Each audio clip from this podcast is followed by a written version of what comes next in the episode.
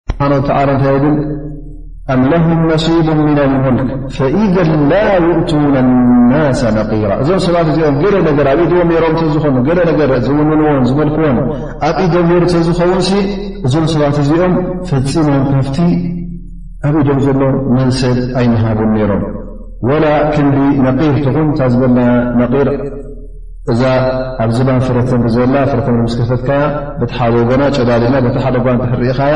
ንእሽተይ ትንኳዓ ኣላታ ማለት እዩ ክሳዕ ክንዳኣ ትኸውን እውን እዞም ሰባት እዚኦም ንንላሂሎም ገንዘብ ኣይምሃቡን ንሰብን ኣይምሃቡን ነይሮም ላ ስብሓን ወላ ክሳዕ ክንደይ ጠማዓት ምዃኖም በቃቓት ምዃኖም ኣላ ስብሓን ወተላ በዛ ኣያ እዚኣ ይሕብረና ማለት እዩ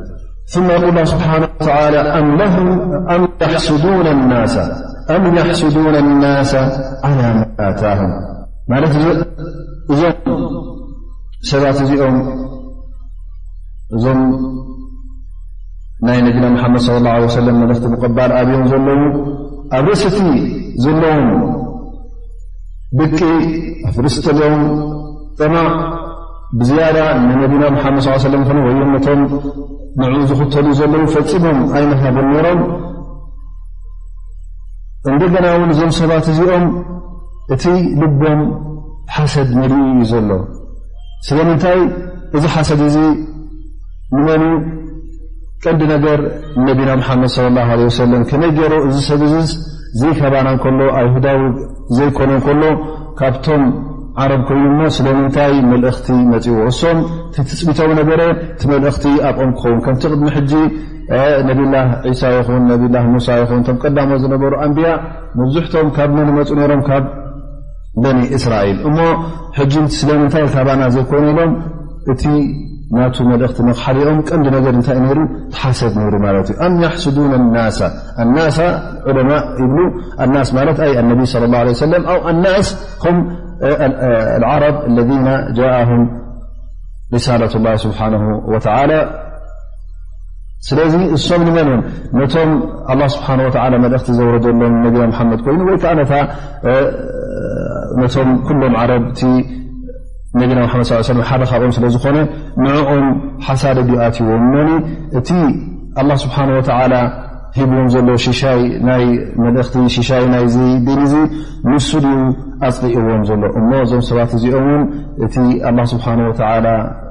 ናቱ ጸጋን ናቱ ሃብትን ክንድላይ እዩ ዝቦኣም ያሕስዱን ናሳ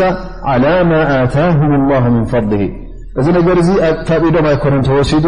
ናቶም ኣይኮነን ኣላ ስብሓን ወተላ ናቱ ፀጋ እዩ ከምድላይ ገይሩ ድማ ንዝደርየ ሰብ እዩ ዝህቦ ስለዚ እቲ ዝገብርዎ ዘለዉ ጌጋ እዩ እቲ ዝነፅግዎ ዘለዉ ጌጋ እዩ ካብቲ ሓሰብ ተለጊሶም ነቲ ናይ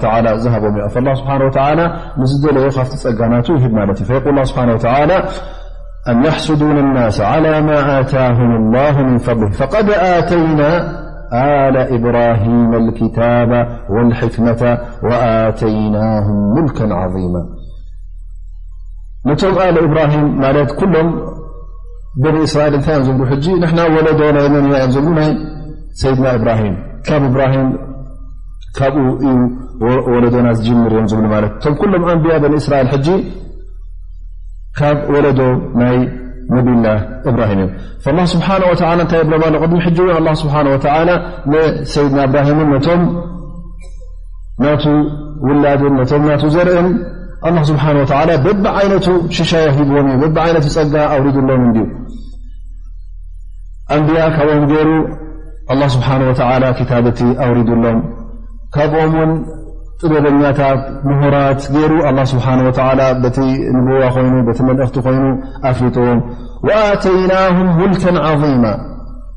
ዓብ ንግስነት እውን ሂብናዮም እንዲና ኢሉ ኣላ ስብሓን ወተላ በቲ ዝነበረ ሃብትን በቲ ዝነበረ ፀጋን ነቶም ኣህልል ክታብ ዘውረዶ ኣላ ስብሓን ወተላ የዘኻኽሮም ኣሎ ቶም ኣስባጥ በኒ እስራኤል ማለት ደቂ ያቆብ እቶም ነገድ ኣላ ስብሓን ወተላ እቲ ኩሉ ናይ ንቡዋን ናይ ነብይነትን ናይ መልእኽትን ነዞም ሰባት እዚኦም ገይሩ ክታብ ተውሪድሎም እዩ እሞ ከዓ ኣብ ርእሲኡ እውን ነቲ ኣብ ትሕቲኦም ዝነበረ ህብረተሰብ ብቕኑዕ መንገድን ብቕኑዕ ኣገባብን ሒዞም ብጥበብን ብብልሃትን ቀጥ ኣቢሎም ነቶም ህዝቦም የካይዱ ነይሮም ኣብ ርእሲኡ እውን ኣላ ስብሓን ወተላ ንግስነት እውን ሂቦዎም እዮም ካብኦም ክንጠቅስ እተ ኮይና እቲ ዝዓበየ ንግስነት ዝተዋህቡ ሰይድና ዳውድ ከምኡውን ሰይድና ሱለይማን ነሮም ማለት እዮም ንግስነትን ነብይነትን ክልትኡ ተኣኪብሎም ማለት ሰይድና ዳውድ ሰይድና ሱለይማን ኣብ ርእሲ ነጋውስቲ ምዃኖም እንታይ ነሮም ኣብ ርእሲኡ ኣንብያ ወሩሱል ነሮም ማለት እዩ ላ ስብሓን ወተላ ከምዚ ዝኣመሰለ ሽሻይሲ ሂቡኩም እንድዩ ክበኩም እንከሎ ዝና ናቱ ፀጋይ ዳኣ እንበር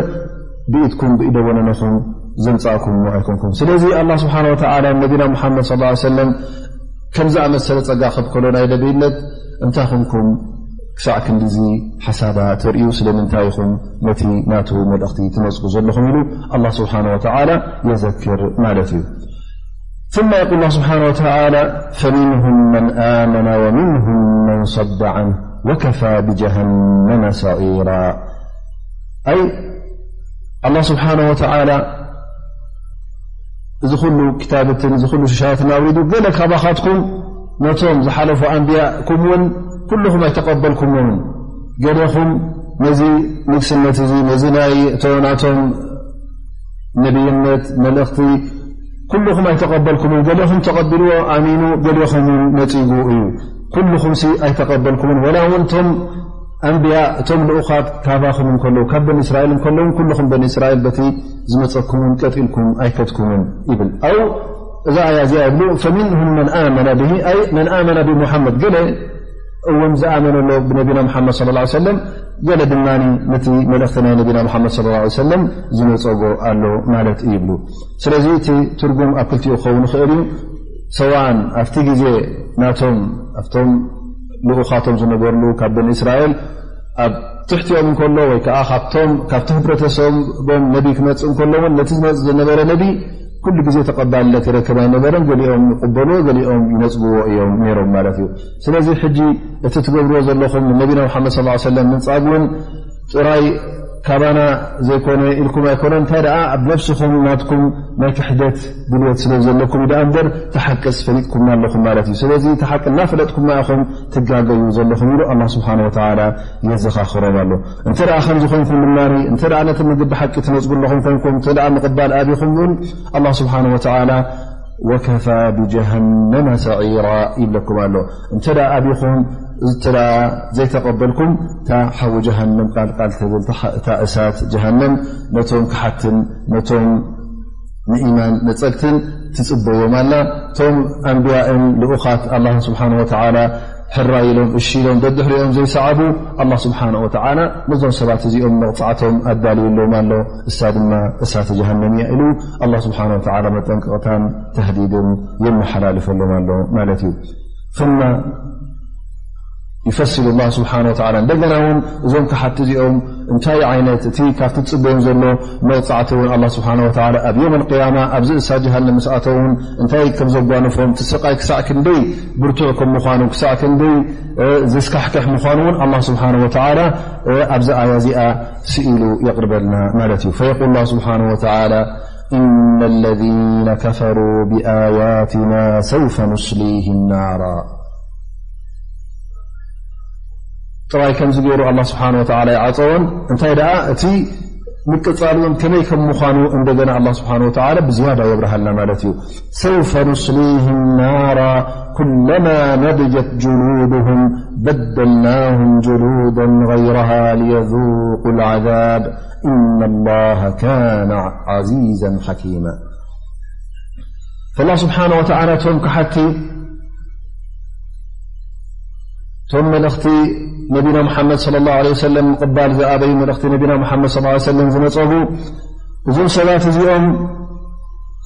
ኣላ ስብሓን ወተዓላ እሳተ ጀሃንም ገይሩ ከሳቅዮም እዩ ኣብ እሳት ጀሃንም ከባርዖምን ከቃፅሎምን እዩ ምኽንያቱ ነቲ መልእኽቲ ስለ ዝኣበዩ ክኣት ከለዉ እዚ እሳት እዚ ድማ ንኩሉ ስውነቶም ንኩሉ ኣካላቶም ንኩሉ ነፍሶም ዝዕብልል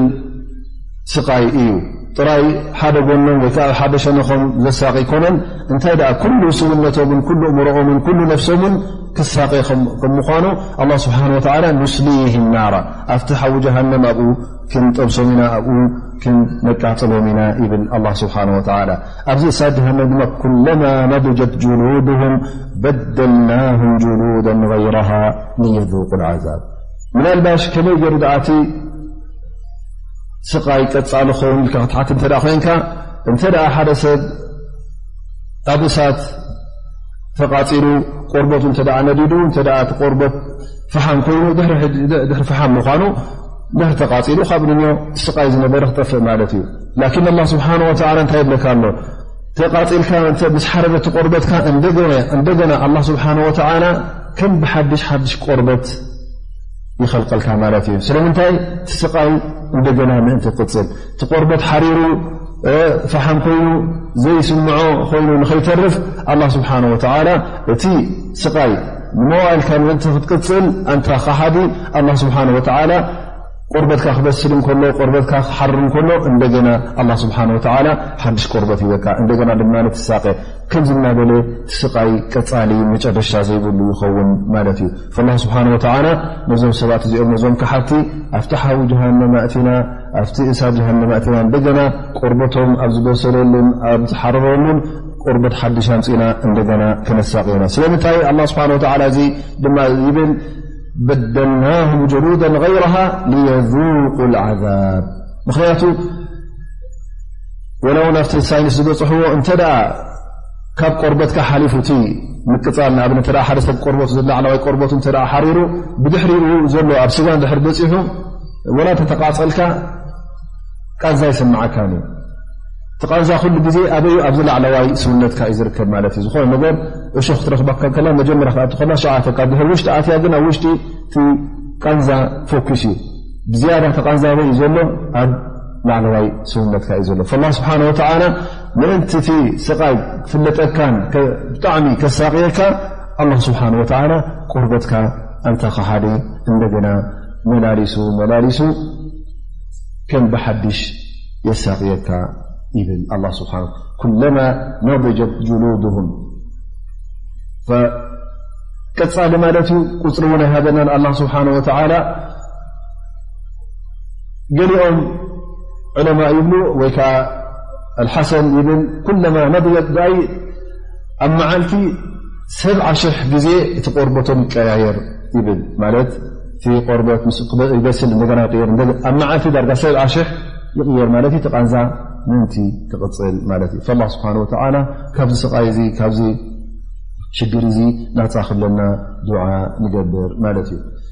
ስለዚ እቲ ቆርበትካ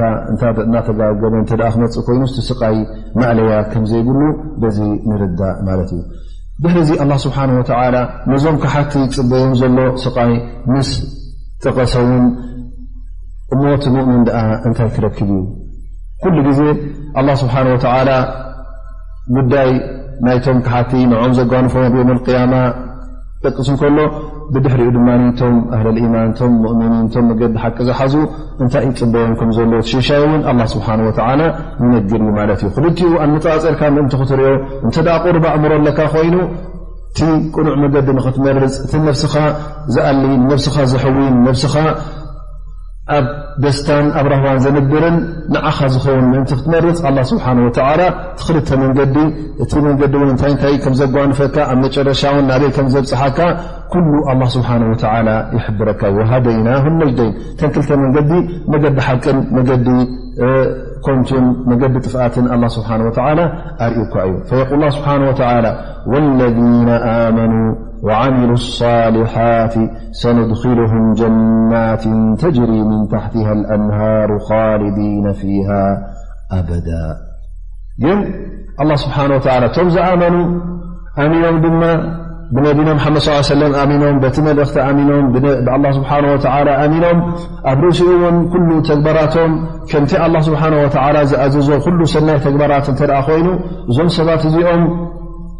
ከምቶም ንእሳተ ጀሃንም ዝኸዱ ከምቶም ስውነቶም ዝቃፀል ከምቶም ቆርበቶም ብሓዊ ዝሓርር ኣይኮኑን እንታይ ደኣ ኣላ ስብሓን ወተላ ኣብቲ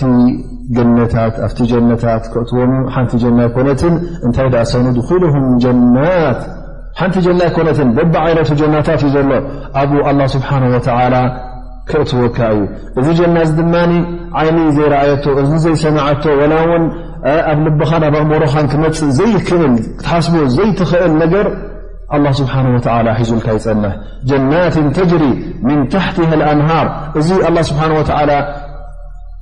ናይዚ ጀና እዚ እንታይ ከም ምዃኑ ከመይ ዓይነት ከም ምዃኑ ዝሕብረካ ዘሎ ንዓኻ ቅሩብ ንኽትርድኦ ከመይ ከም ዝኾነ ዩ ደኣ እምበር ከምቲ ኣብ ኣዱንያ ትፈልጦን ኣብ ኣዱንያ ትሪኦን ማለት ኣይኮነን ወሓይዛ ኣሎ ክበሃል ከሎ ከምቲ ኣብ ኣዱንያ ዘሎ ውሒዛ ኣሎ ማለት ኣይኮነን ግን ቅሩብ እቲ ነገር ንክቐርበልካ ኣላ ስብሓን ወተዓላ ይጠቕሰልካ ኣሎ ማለት እዩ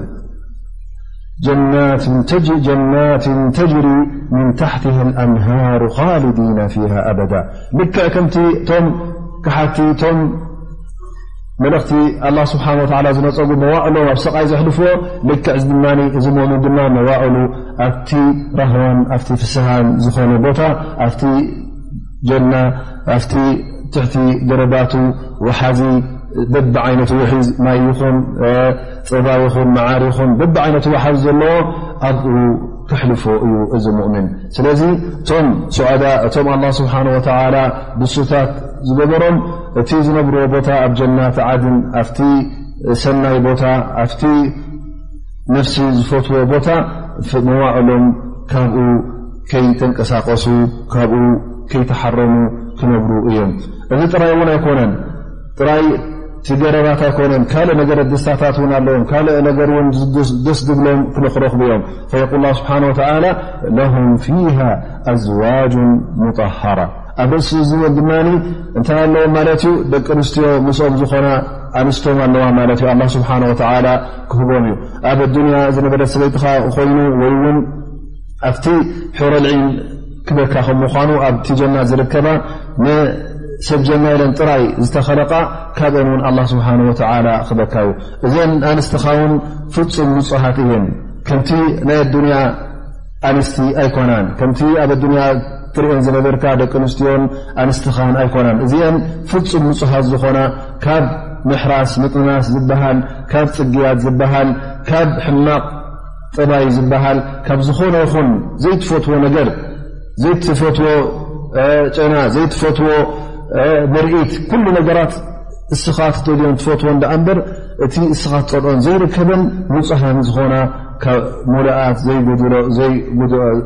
ዘይጎደሎ እዘን ሰባት እዚአን ወይከዓ እዘን ኣንስት እዚአን ኣላ ስብሓን ወተላ ኣብ ዮም ልቅያማ ከፅንሓልካ እዩ እዚ ድማ ንመን እዩ ነቲ ብሓቂ ሙእምን ነቲ ብሓቂ ሰናይ መገዲ ሒዙ ዝኸይድ ዝነበረ ብሓቂ ሰናይ ተግባር ዝገብር ዝነበረ ኣላ ስብሓን ወተዓላ እዚ ከፅናሓሉ እዩ ኣብ ርእሲኡ እውን ኣላ ስብሓን ወተዓላ ነዚ ነገር እዚ የረጋግፆ ለሁም ፊሃ ኣዝዋጅ ሙጣሃራ ምስ በለ ኣብ ርእሲኡ ድማ ወንድኪልሁም ظላ ሊላ እቲ ዝነብርዎ እውን ፀሓይ ዘለዎ ናይ ሃሩር ይኹን ናይ ቁሪ ይኹን ከምዝኣመሰለ ሽግራት ከምዘየጓንፎም እንታይ ደኣ ፍፁም ፅላል ኩሉ ግዜ ክነብሩ ከም ምኳኑ እቲ ፅላል እውን ምቁር ዝኾነ ፅላል ደስ ዝብለካ ፅላል ዘይውዳእ ፅላል ፈፂሙ ፀሓይ ዘይተኣትዎ ፅላል ኣብ ትሕቲኡ ንክትነብር ኢኻ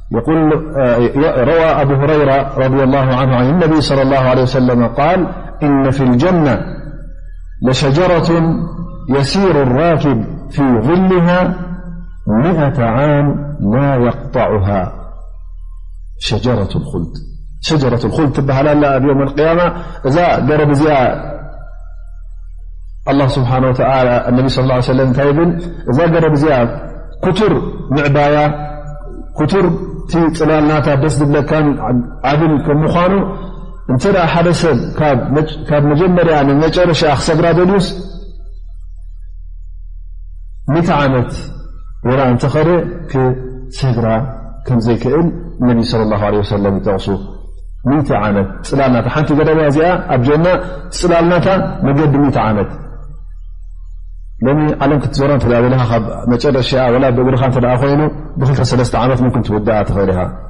ግን ናይ ጀና ሽ ክሳዕ ግን ንምንታይ እቲ ሓንቲ ገረብ እዚ ዛመሰለ ፅባል እተ ኣለዋ ኮይኑስ እቲ ጀና ንገዛእ ርእሱ ክሳዕ ክንደይ ዓብ ምዃኑ በዚ ክበርሃልና ይኽእል ማለት እዩ ስለዚ እቶም ንፁሃን እቶም መገዲ ኣላ ስብሓን ወላ ሒዞም ዝኸዱ እቶም ሙእምኒን ከምዚ ዝኣመሰለ ጸጋን ከምዚ ዝኣመሰለ ፍስሃን ደስታን ይጽበዮ እዩ ዘሎ እሞ ኣየናይ ትመርጽ ኣንታ ኣላ ስብሓን ወተዓላ ኣእምሮ ዝሃበካ ኣንታ ኣላ ስብሓን ወተዓላ ካብ ኩሉ ፍጡር ፍልይ ኣቢሉ ንዓኻ ነዚ ነገር እዚ ዝኣርኣያካ ኣየናይ ትመርፅ እቲ መገዲ ክሕደዶ ትመርፅ መጨረሽታኻን መደምደምትኻን ኣብቲ ሓዊ ጀሃንም ክኸውን ወይስቲ መገዲ ኢማንን መገዲ ተቕዋን መገዲ ጥዕናን መሪፅካ ንጀና ትኸይድ እቲ ኩላህና ንሰማማዓሉ ዝኾነ ይኹን ኣእምሮ ዘለዎ ሰብ ኣነ ጀና እየ ዝደሊ ዝብል ዋላ እውን እቲ ዝጋገ ዘሎ ውን ጀና እየ ዝደሊ ክብል እዩ ግን ኩሉ ግዜ ትምኒት ኣይኮነን እንታይ ደኣ እቲ ትምኒትካን እቲ ትደልዮን ኩሉ ግዜ ትዘይሰሪሕካሉ እንተ ለይትን መዓልትን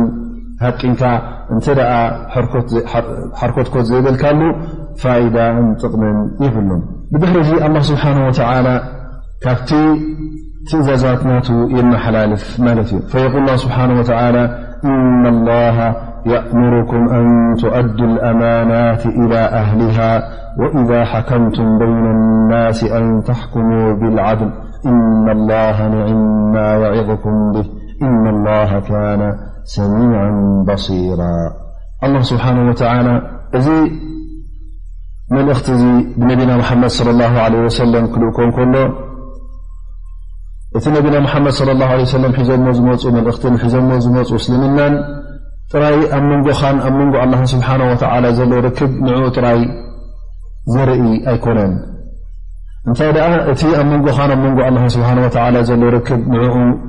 ዘፀራሪ ንዕኡ ዘቕንዕ ኣብ ርእሲ እውን እቲ ኣብ መንጎኻን ኣብ መንጎ እቲ ህብረተሰብን ዘሎ ኣብ መንጎ ከማኻ ዝኣመሰሉ ሰባት ከመይ ጌርካ ክትጓዓዝ ከም ዘለካ ከመይ ጌርካ ምዞም ሰባት እዚኦም ርክብካ ቅፅል ከም ዘለዎ ነዚ ነገር እዚ ዘርኢ ማለት እዩ ስለዚ እቲ ናይ እስልምና ዲን ናይ እስልምና ሃይማኖት ክበሃል እንከሎ ጥራይ ሃይማኖት ኣብ መንጎኻን ኣብ መንጎ ኣላህን ዘሎ ማለት ኣይኮነን እንታይ ደኣ እቲ እስልምና ንገዛእ ርእሱ እቲ ኣብ መንጎኻን ኣብ መንጎ እቲ ህብረተሰብ ዘሎ ንዑ ንክሰርዕ እዩ መፅኢ ማለት እዩ እቲ እስልምና ክወረድ እንከሎ ጥራይ ናይ ምስጋድን ናይ ምፃንን ኣይኮነን እንታይ ደኣ ካልእ ነገር እውን ኣሎ ማለት እዩ ካልእ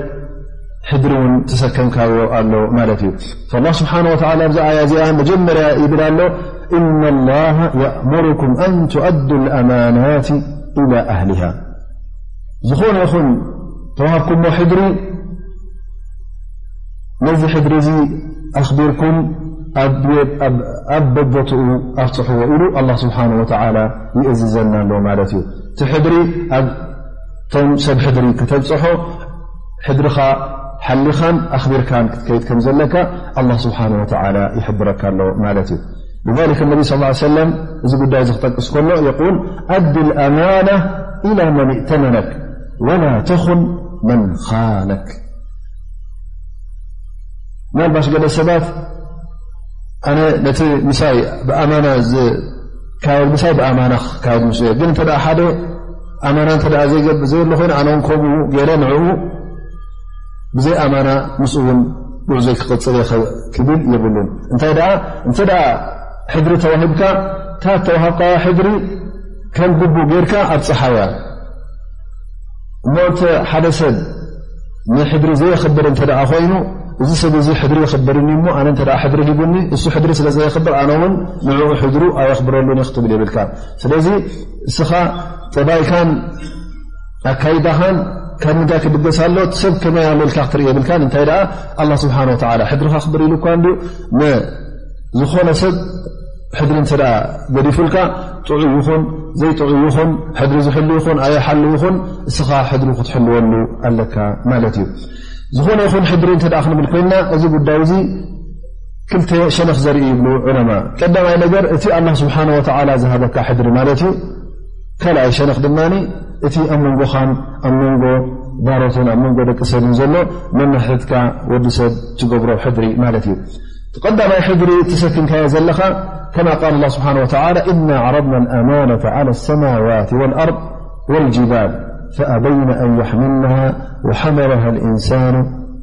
እነሁ ካነ ظሉመ ጀሁራ እቲ ቀንዲ ኣመና ሰኪምካዮ ዘለኻ ሙእምን የልካ ብታብ ኣምን ብ ስብሓ ኣምን የልካ ብነቢና ሓመድ ص ኣምን ኩሉ ሒዘሞ ዝመፁ ነቢና ص ሰለ ኣነ ይኣምነሎመ ላላ ላ ሙሓመድ ረሱ ላ ለ የልካ እዚ ሕድሪ ተሰኪምካ እሞ እዚ ሕድሪ እዚ ክም ጉቡእ ተኽብሮ ዶ ኣለኻ ወይስ ተኽብሮ የለኻ ስለዚ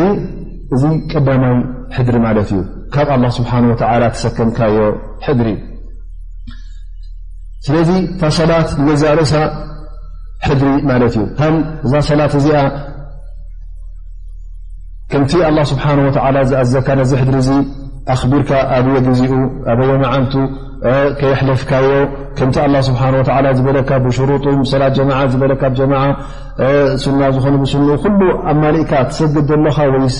ነዚ ሕድሪ እዚ ገለ ዘጉደልካ ኣሉ ኣለካ ገዛ ርእሱ ዘካት ሕድሪ እዩ ምኽንያቱ ዘካት ከተውፅእ ዝኣ ኮንካ ገንዘብካን ኣብ ጁባኻ ዘሎን ኣብ ገዛኻ ዘሎን ኣብ ስራሕካ ዘሎን ብጀካኻ ብጀካ ኣላ ስብሓን ወተላ ዝፈልጦ የለን እሞ ኣላ ስብሓን ወተላ እዚ ሕድሪ እዚ ሂቡካ ኣሎ ማለት እዩ ሃልቲ ዘካትካ ተውፅእ ኣለኻዶ ተውፅእ የለኻን ትሕድሪ ተኽብሮ ኣለኻዶ ተኽብሮ የለኻን ከምኡውን ፆም ክድሪ እተ ኮይና ስያም ንገዛእ ርእሱ እውን ሕድሪ ማለት እዩ ፅምካ ከለካ መን ፈልጠካ ኣፍጢርካ ዶ የፍጠርካን ኣብ ቅድሚ ሰብ ፀም ኣለኹ ክትብል ትኽእል ኢኻ ብጀካ ላ ስብሓን ወላ እውን ዝፈልጦ ይብሉ ኣብ ገዛካ እንታይ በልዕካ እንታይ ሰትኻ ዝርእካ ሰብ የለን ስለዚ እዚ ሕድሪ ዩ ንገዛእ ርእሱ ትስከሙ ኣለኻ ማለት እዩ እሞ ነዚ ሕድሪ እዚ ከምግብኡ ታስያም ትጾማ ዘለኻ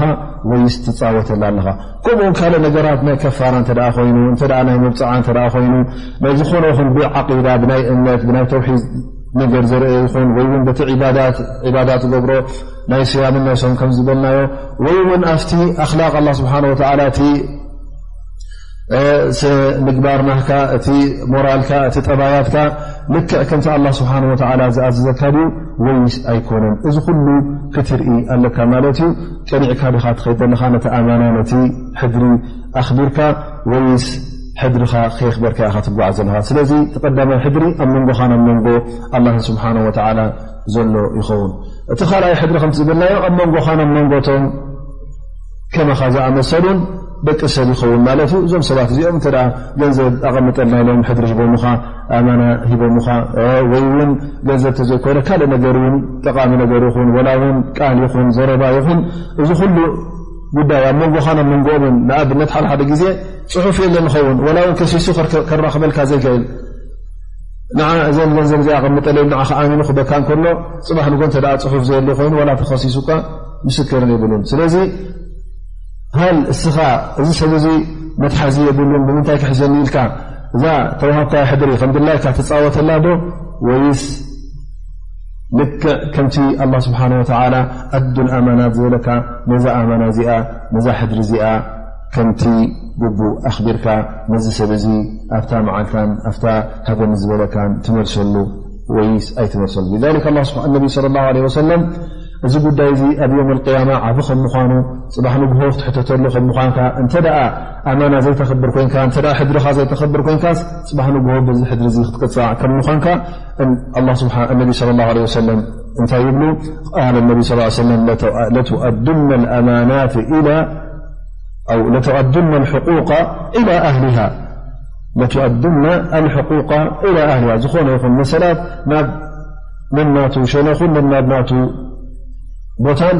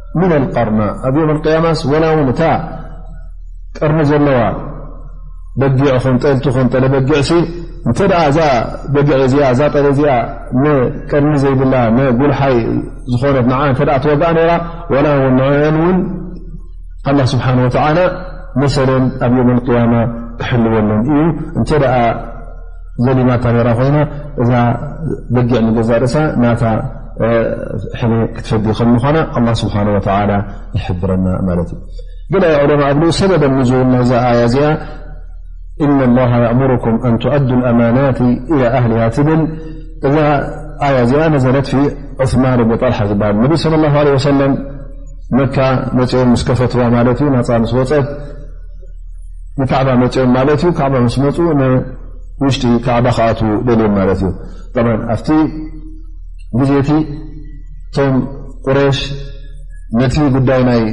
ቤይትላ ተማቒሎም እዮም ሮም ገሊኦም ንሕጃጅ ዝመፁ ንቤት ላ ስብሓ ዝመፁ የስትዎም ገሊኦም ድማ ነዛ ቤይትላ ን ዝሕልው ማለት እዩ ሙፍታሓ ምስኦም ነይሩ የፅርይዋ ቲ ን ዘድሊ ነገር ን ይሕልው ማለት እዩ ስለዚ ተመቓቒሎም ሮም ማት እዩ ናይ ካዕባ ሙፍታሕ ኣብ በኒ ዓብድዳር ዝበሃል ነይሩ ዑስማን እብኒ ጠልሓ ዝበሃል ምስኡ ነይሩ ማለት እዩ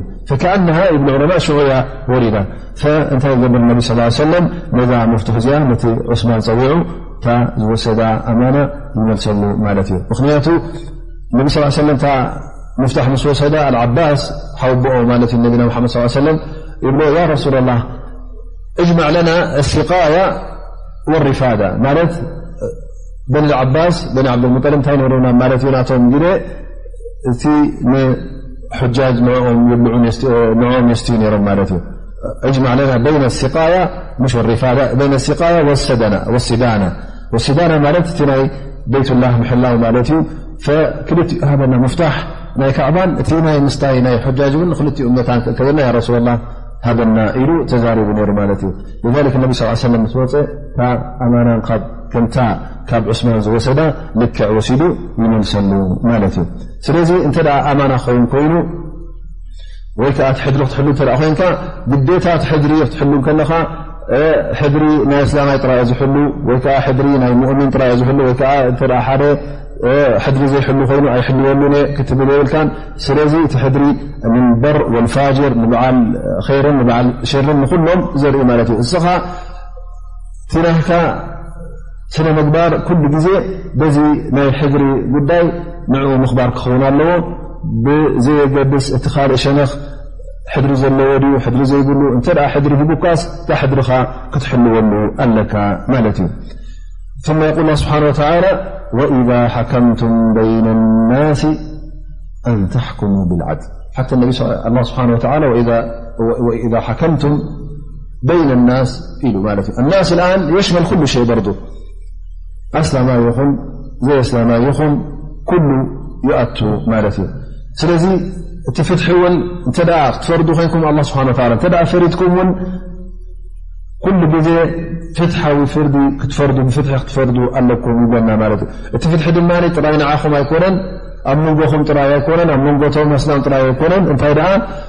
ዝኾነ ይኹን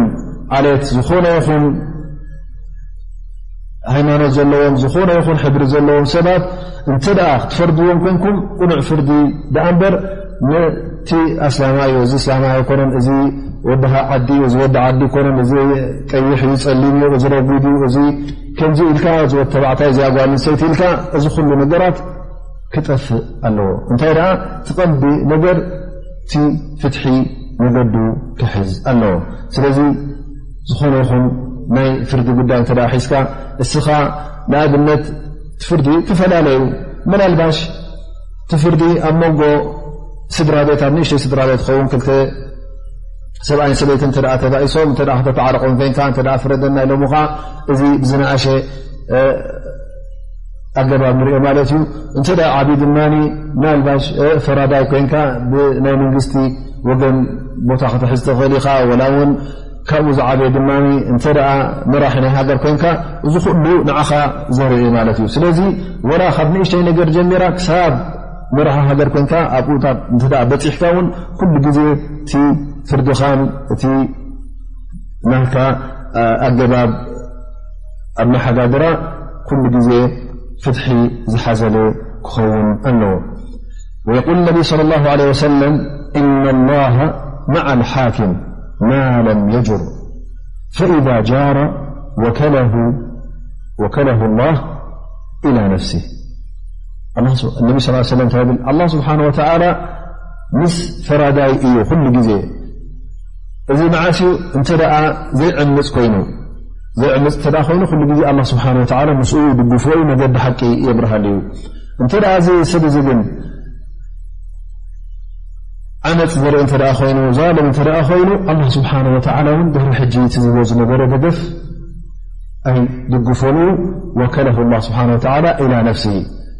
እቲ ዝርእካ ዝነበረ ብርሃን እቲ ዝሕግዘካ ዝነበረ እቲ ጌጋን እቲ ቕኑዕን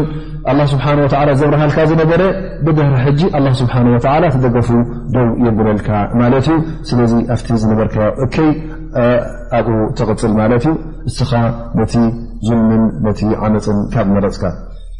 በል እዚ ጉዳይ እዚ ቀሊል ነገር ከምዘይኮነ እውን ኣብ ኣፋር ገለ ዝመፀ እንተዳርእና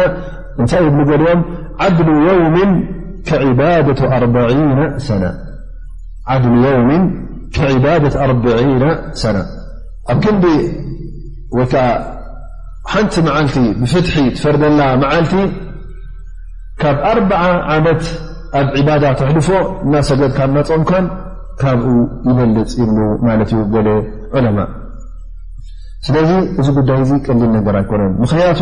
እንተ እቲ ህብረተሰብ ኩሉ ግዜ ብፍትሒ እተ ክካየድ ኮይኑ እተ ፍትሒ ዓሲልዎ እተ ፍትሒ ሰፊኑ ኩሉ ግዜ እቲ ህብረተሰብ ብሰላም ብቕዱ ናብራን ብራህዋን ይነብር ማለት እዩ ንንሕዱ ከይተገራጨወ ንሕድሕዱ ከይተባእሰ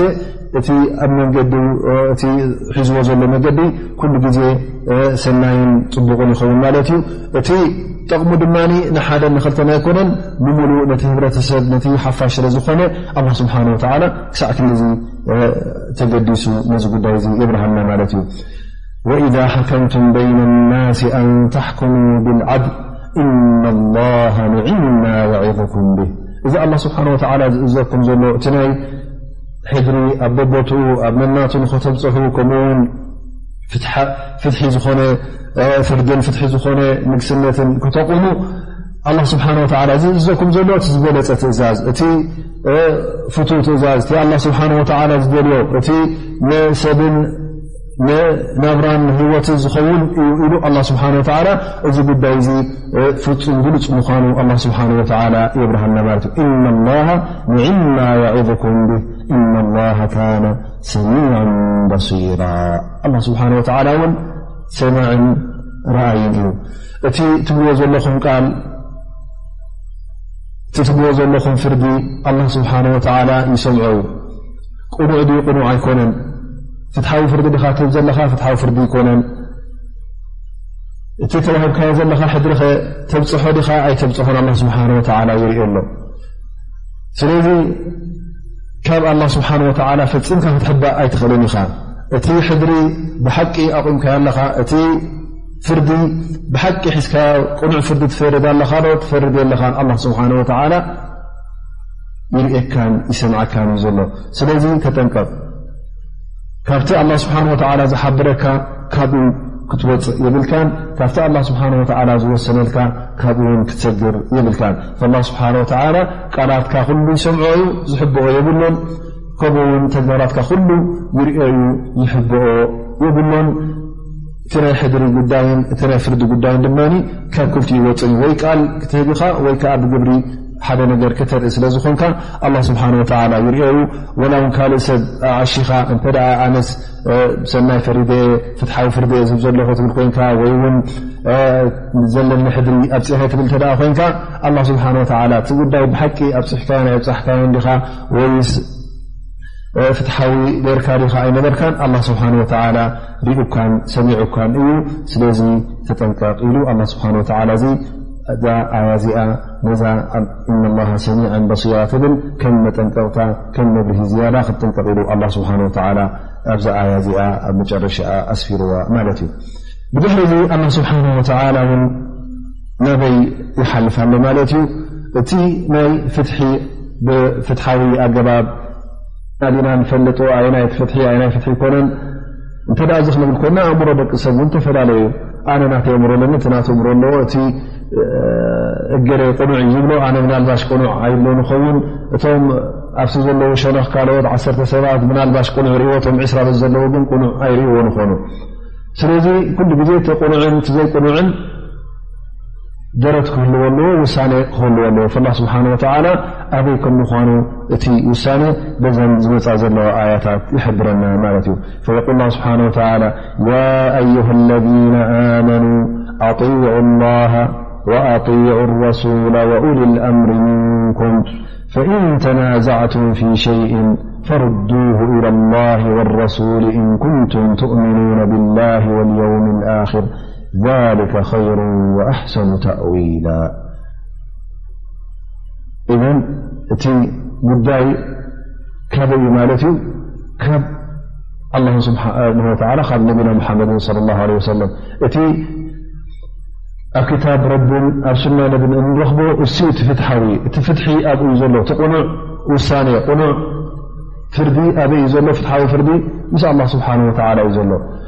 እንተ ዝኾነ ነገር እተ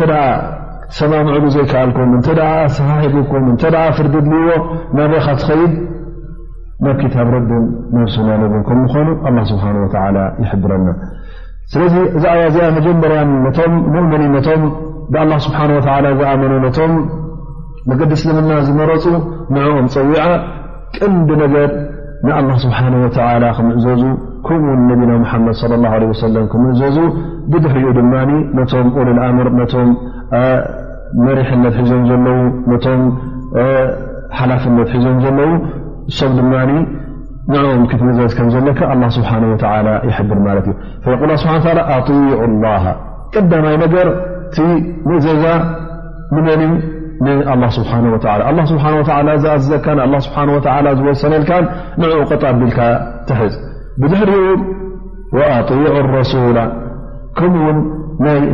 ነቢና ሓመድ ስ ሰለም ብሂወቶም ከለዉ ሽዑ ኣብ ቅድሚኦም ከለኻ ንኦም ትእዘዝ ማለት እዩ ምስ ሞቱ ድማ እቲ ገዲፎምልካ ዘለዉ ስና እቲ ገዲፎምልካ ዘለዉ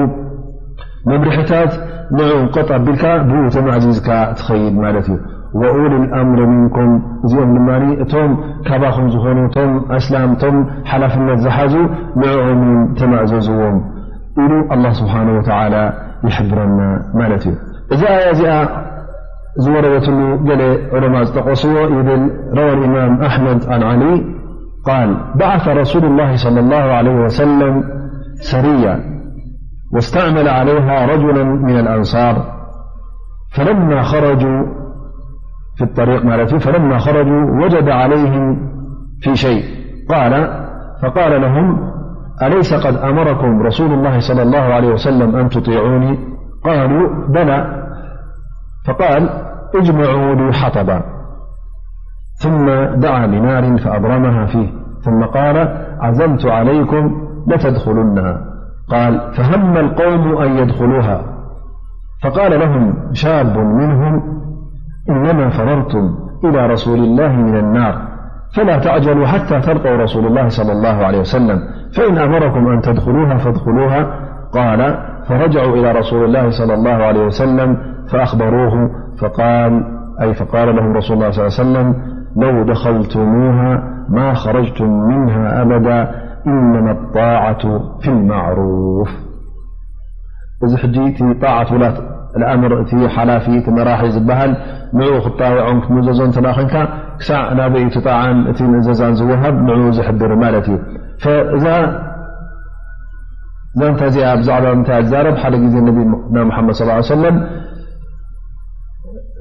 ሓደ ጦፍ ሰዲዶም ማለት እዩ እዚ ጦፍ እዚ ንጅሃድ ተሰዲዱ ማለት እዩ እናኸዱ ከለዉ ኣብ መንገዲ እቲ ሓላፊ ሒዝቦም ዝኸይ ዝነበረ ገለ ኣዚዞ ማለት እዩ ምናልባሽ ተኮራርዮም ማለት እዩ ኣይሰምዕዎ ናይ ተማዘዝዎም ግዲ ኮይኖም ዝኾነ ይኹን ኣብ መንጎኦምን ኣብ መንጎም ቅሩብ ምሰሓብ ተረኺቡ ፈእንታይ ይብሎም እነቢ ስለ ላሁ ለ ወሰለም ንዓይ ክትምእዘዙ ኣዚዙኩም እንድዩ ምስ ኣነ ዝበልኩኹም ስምዑ ምሽ ተባሂልኩም ይብል ማለት እዩ እወ ይብልዎ ማለት እዩ እንታይ ይብል እጅምዑ ሓጠበን ኣፃው ኣክቡለ ይብሎም ማለት እዩ ዕንጨይቲ ኩሉ ምስ ተኣከበ ሃብ ሓዊ ኢሉ ሓዊ የቃፅል ማለት እዩ እዛ ሓዊ ምስ ተቃፀለት እንታይ ይብሎም እሞ ሕጂ ኣነቢ ስ ሰለም ስለዝኣዘዘኩም ተኣዘዙን እዩ ስለዝኣዘዘኩም ኣነ ድማ እንታይ ኣዘዘኩም ኣለኹ ብል ኣብዚ ሓዊ ንክትኣትዉ ምእዝዘኩም ኣለኹ ኢሉ ይዛረቦም ማለት እዩ ከምዚ ምስ በሎም ገሊኦም ንትእዛዝ ኢሎም ነዚ ትእዛዝ ዚ ኣግብሪ ን ከውዕሉ እውን ፈቲኖም ማለት እዩ ወይ ከዓ ሓሲቦም ማለት እዩ ትንዕ ኢሎም ግን ሓደ ካብቶም ምስኦም ዝነበረ መንእሰይ እንታይ ይብሎም እስኹም እቲ ናብ ነቢና መሓመድ ናብ እስልምና ዘኸደኩም ናብ እስልምና ዘእተወኩም እንታይ እዩ ካብ እሳት ጀሃንም ካብ ሓዊ ጀሃንም ፈሪኩም እኹም ሞኸመይ ጌርኩም ሕጂ ሓዊ ተኣትዉ ስለዚ ፅንሑ እንተ እዚ ዝብለኩም ዘሎ ሓቂ ቕኑዕ ኮይኑ ነቢና ሓመድ ስ ሰለ ን ንሕተቶ እተ ተባሂልኩም እተዋ ተባሂልኩም ተኣትዋ እተዘየሎ ነቢና ሓመድ ለ ላ ሰለ ንሕተት ኢሎ ይዛረቦም ማለት እዩ ሕራይ ሕራይ ኢሎም ይኸዱ ዳሕይ ምስ ተመለሱ ናብ ነቢና ሓመድ ለ ላ ሰለ ይመፁ እቲ ጉዳይ ይጠቕስሉ ማለት እዩ ነቢ ስ ሰለ እንታይ ብል ለው ደኸልቱሙሃ ማ ከረጅቱም ምንሃ ኣበዳ ኣቲኹማ ነርኩም ተትኾኑ ዝሓዊ እዚኣ ፈፂምኩም ካብ ኣይወፃእኩምን ማለት ካብዚ ሓዊ ዝኣተኹማ ፅባሕ ንግሆ ኣብ ሓዊ ጀሃንም ምስ ኣተኹም ነርኩም ማለቶም ነቢና ሓመድ ስ ሰለም ሽዑ እዛ ሓዲ እዚኣ ምንታይ ጨስዋ እነማ ጣዓቱ ፊ ማዕሩፍ ሓላፊኻ ነቲ ሓላፊ ነቲ መራሒኻ ንኡ ተማእዘዝ ክትበሃል ከለኻ ማዕሩፍ ወይከዓ ቁኑዕ ነገር ክኸውን ኣለዎ ማለት እዩ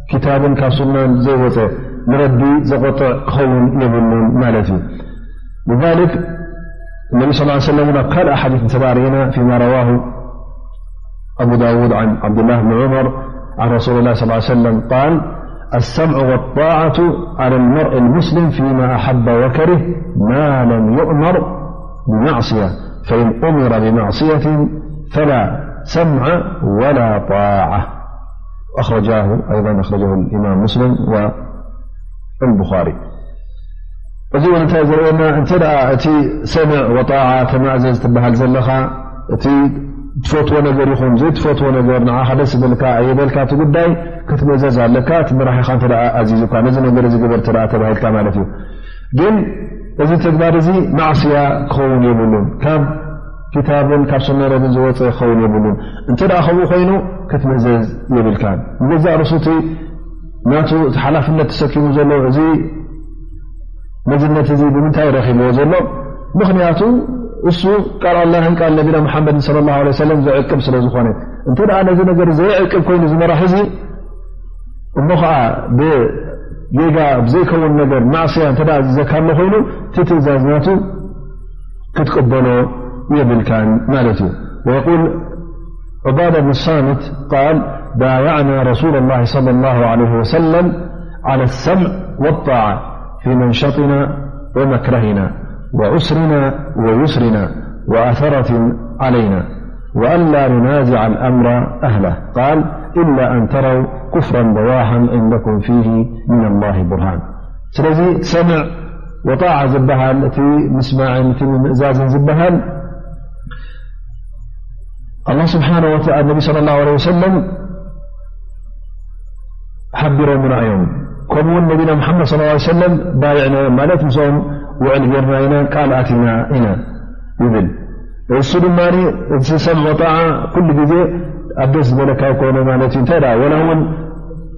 ኣብ ግዜ ደኻምካ ይኹን ኣብ ግዜ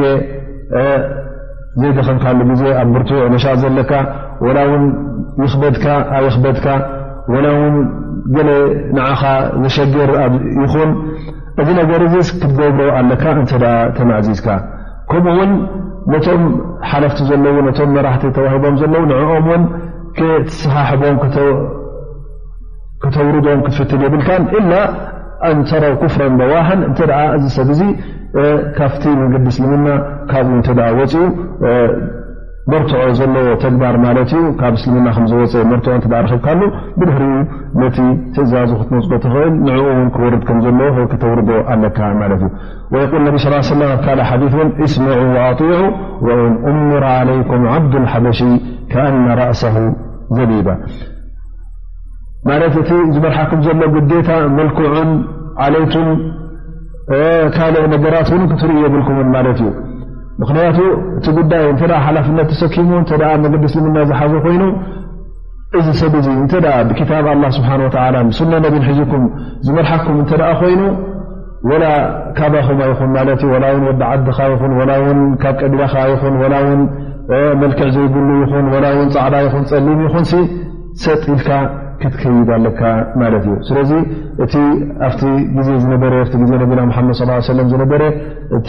ካብ ካልእ ዓዲ መፅኡ ወላ ውን ባርያ ኮይኑ መፅኡ እዚ ሰብ እዚ ኣብቲ ህብረተሰብ ኩሉ ግዜ ተቐባልነት የብሉን ከምዚ ዝኣመሰለ ሰብ ወላ ውን እሱ እተ መሪሑኩም እሱ እተ መገዲ ረቢ ኣትሒዙኩም ከይዱ ንኡ ውን ክትሰምዕዎን ክትምእዘዝዎን ከም ዘለኩም ኢሉ ነቢና ሓመድ ለ ላ ሰለም ኣብዚ ሓዲስ እዚ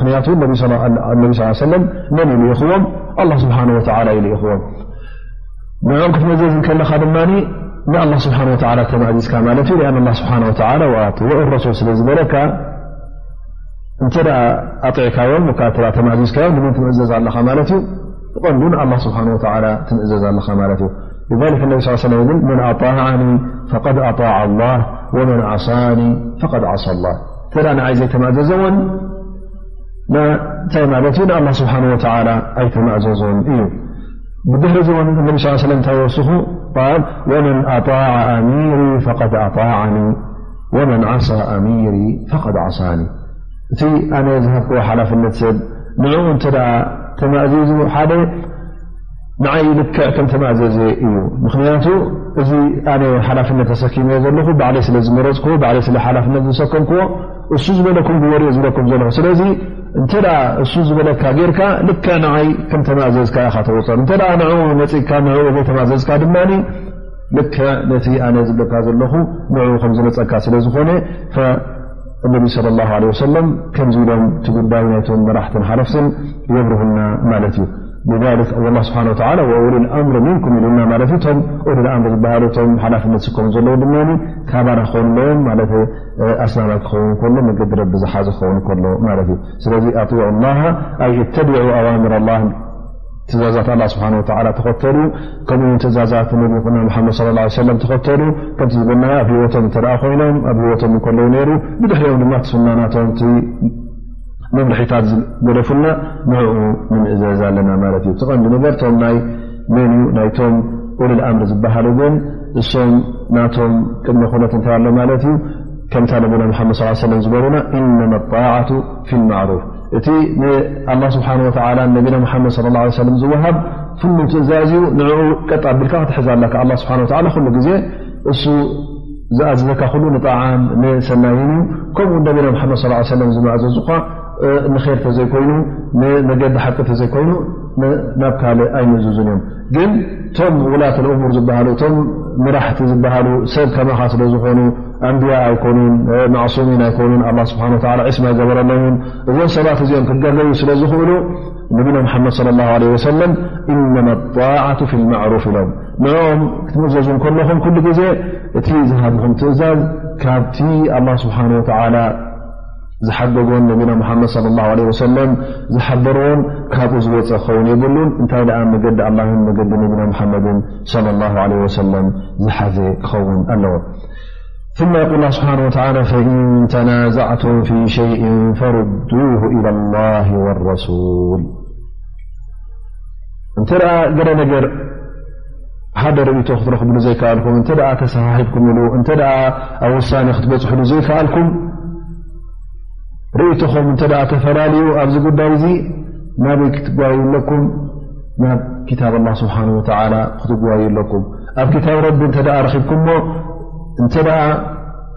ኣብኡ በሪህልኩም ብኡ ትጨርሱዎ ማለት እዩ እንተ ኣብኡ ዘይበረሃልኩም ድማ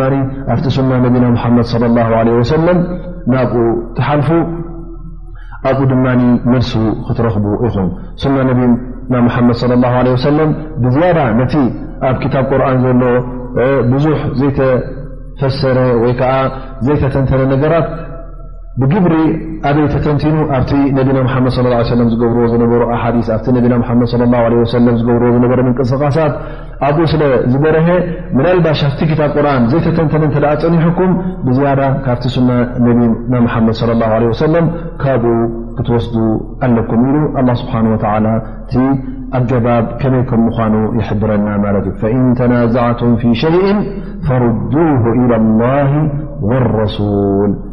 ዝኾነ ይኹን ፍልሊ እተ ተረኪብኡ ዝኾነ ይኹን እተ እዚ ጌጋይ ዝቕኑዕ ኢልካ እተ ኣብ ሓደ ውሳኔ ክትበፅሓሉ ዘይከኣልካ ኩሉ ግዜ ናበይ ክትከይድ ኣለካ ማለት እዩ መጀመርያ ናብቲ ክታብ ኣላ ስብሓን ወተላ ትኸይድ ድሕሪ ድማ ናብቲ ሱና ነቢና ሙሓመድ ለ ላ ለ ወሰለም ትኸይድ ማለት እዩ እዚ እንተ ዘይገበርካ ግን እንተ ደስሓሕበካ ነገር ኣብ ካልእ ሕግታት ወይከዓ ኣብ ካልእ ናይ ዓዲ ኮይኑ ናይ ቀቢላ ኮይኑ ናይ ገለ ኮይኑ ኣብኡታት ክትፈትሖ እተ ትፍትን ኮንካ እዚ ምስ ኢማንካ ዝገራጮ ይኸውን ማለት እዩ ምክንያቱ ኣላ ስብሓን ወላ እንታይ ብላ ሎዚ ፈርዱ ኢላ ላ ወረሱል እንኩንቱም ትእምኑና ብላ ወልየውም ኣክር ብሓቂ እንተ ኢማን ኣለኩም ኮይኑ ብኣላ ስብሓን ወላ ተኣምኑ እተ ኮይንኩም ከምኡ ውን ዮም ያማ ዮም ኣክር ክመፅእ እዩ ኢልኩም ተኣምኑ እተ ኮይንኩም ከምዚ ነገር እዚ ክርከብ ከሎ ኣበይ ክትከዱ ኣለኩም ኣብቲ ክታብ ረብና ትሱና ነ ክትከዱ ኣለኩም ኢሉ ኣላ ስብሓን ወ ይሕብረና ብኣንፃሩ እንታይ ማለት እዩ እንተ ከምዚ ነገር ዘይትገብሩ ኮይንኩም ኣብ ክንዲ ናብ ክታብ ረብን ናብ ሱና ነብን ናብ ካልእ ውሳኔታት ናብ ካልእ ቅድታት ቅዲ ሕግታት ኣብ ካልእ ሸደኻት እንተ ዘንብልኩም ነቲ ክታብ ረቢ ስና ነብን ገዲፍኩም እቲ ኢማን ናትኩም ወይ ጎዲሉ ኣሎ ማለት እዩ ወይ እውን ይገዛእ ርእሱ እቲ ኢማን ኩሉ ይጠፍእ ኣሎ ማለት እዩ ስለዚ እታ ኢማን ምስ ምንታይ ተኣሳሰረት እያ ምስታ እቲ ጉዳይ ናበይ ትኸይድ ካበይ ፍርድኻ ትወስድ ካበይከ ነቲ ዘለኻዮ ምፍሕፋሕን ቲ መፅኡካ ዘሎ ምግርጫ ውን በየን ፍትሓዊ ዝኾነ ወይ ከዓ በየናይ ሕጊ ትፈትሖ እዚ ንዚ ዝሕብር እንሻ ላ መጨረሻ ነዛ ኣያ እዚኣ ኣላ ስብሓን ወተላ ኣብዛ ኣያ እዚኣ እቲ ብሓቂ ኢማን ዘለዎ ሰብ እቲ ብኣላ ስብሓ ወላ ዝኣምን እቲ ብዮም ቅያማ ክመፅእ ምኳኑ ዝኣምን ዓዛብን ስቃይን ከምኡውን ጀናን ጀሃነምን ከም ዘላ ዝኣምን እዚ ሰብ እዚ እንተ ደኣ ኣብ ገለ ነገር ተሰሓሒቡ ኣብ ገለ ነገር መርትዖ ዘባእስ ነገር እተ ኣሎ ኮይኑ እዚ ዝሰሓሕብ ዘሎ ነገር እዚ ዘባእስ ዘሎ ነገር ክፈትሖ እንተ ኮይኑ ብክታብ ኣላህን ብሱና ነብን ኣብኡ ክፈትሖ ኣለዎ ዳኣ እምበር ካብኡ ሰጊሩ ካልእ ክእልሽን ካልእ ክደልን የብሉን እንተ ካልእ ክደሊ ኮይኑ ነቲ ኢማኑ ንኡ ዘበላሽውን ነቲ ኢማኑ ኣብ ምፍራስ ዘባፅሕን ስለ ዝኾነ ክጥንቀቕ ኣለዎ ላ ስብሓን ወተላ እዚ ተግባር እዚ እንታይ ኢሉ ይድምድሞ ሊከ ኸይሩ ወኣሕሰኑ ተእዊላ ማለት እቲ ናብ ክታብ ኣላ ስብሓን ወላ ናብ ሰብና ነብርከካን ካብኡ ፍርዲ ንክትጠልብ ካብኡ ዕርቂ ንክትጠልብ ካብኡ እቲ ዘባእሰካ ዘሎ ኣብኡ ንክትፈትሖ ናብኡ ተመሊስካ ካብኡ ፍትሒ ክትረክብ እዚ ዝበለፀ እዩ ኢሉ ኣላ ስብሓን ወላ ሊከ ኣሕሰኑ ተእዊለን ኣይ ኣሕሰኑ ዓቂበተን መጨረሽትኡ ኣብ ኣዱንያ ይኹን ሰናይ ውፅኢት ዘለዎ ኣብ ኣራ ተኾነ ውን ከምኡ ውን ሰናይ ውፅኢት ዘለዎ ኣብ ኣዱንያ ብፍትሒ እቲ ጉዳይ ጨሪስካዮ ማለት እዩ ናትካ ወሲድካ ዘይናትካ ገዲፍካ ማለት እዩ ፍትሓዊ ውሳኔ ክትረክበሉ ኢኻ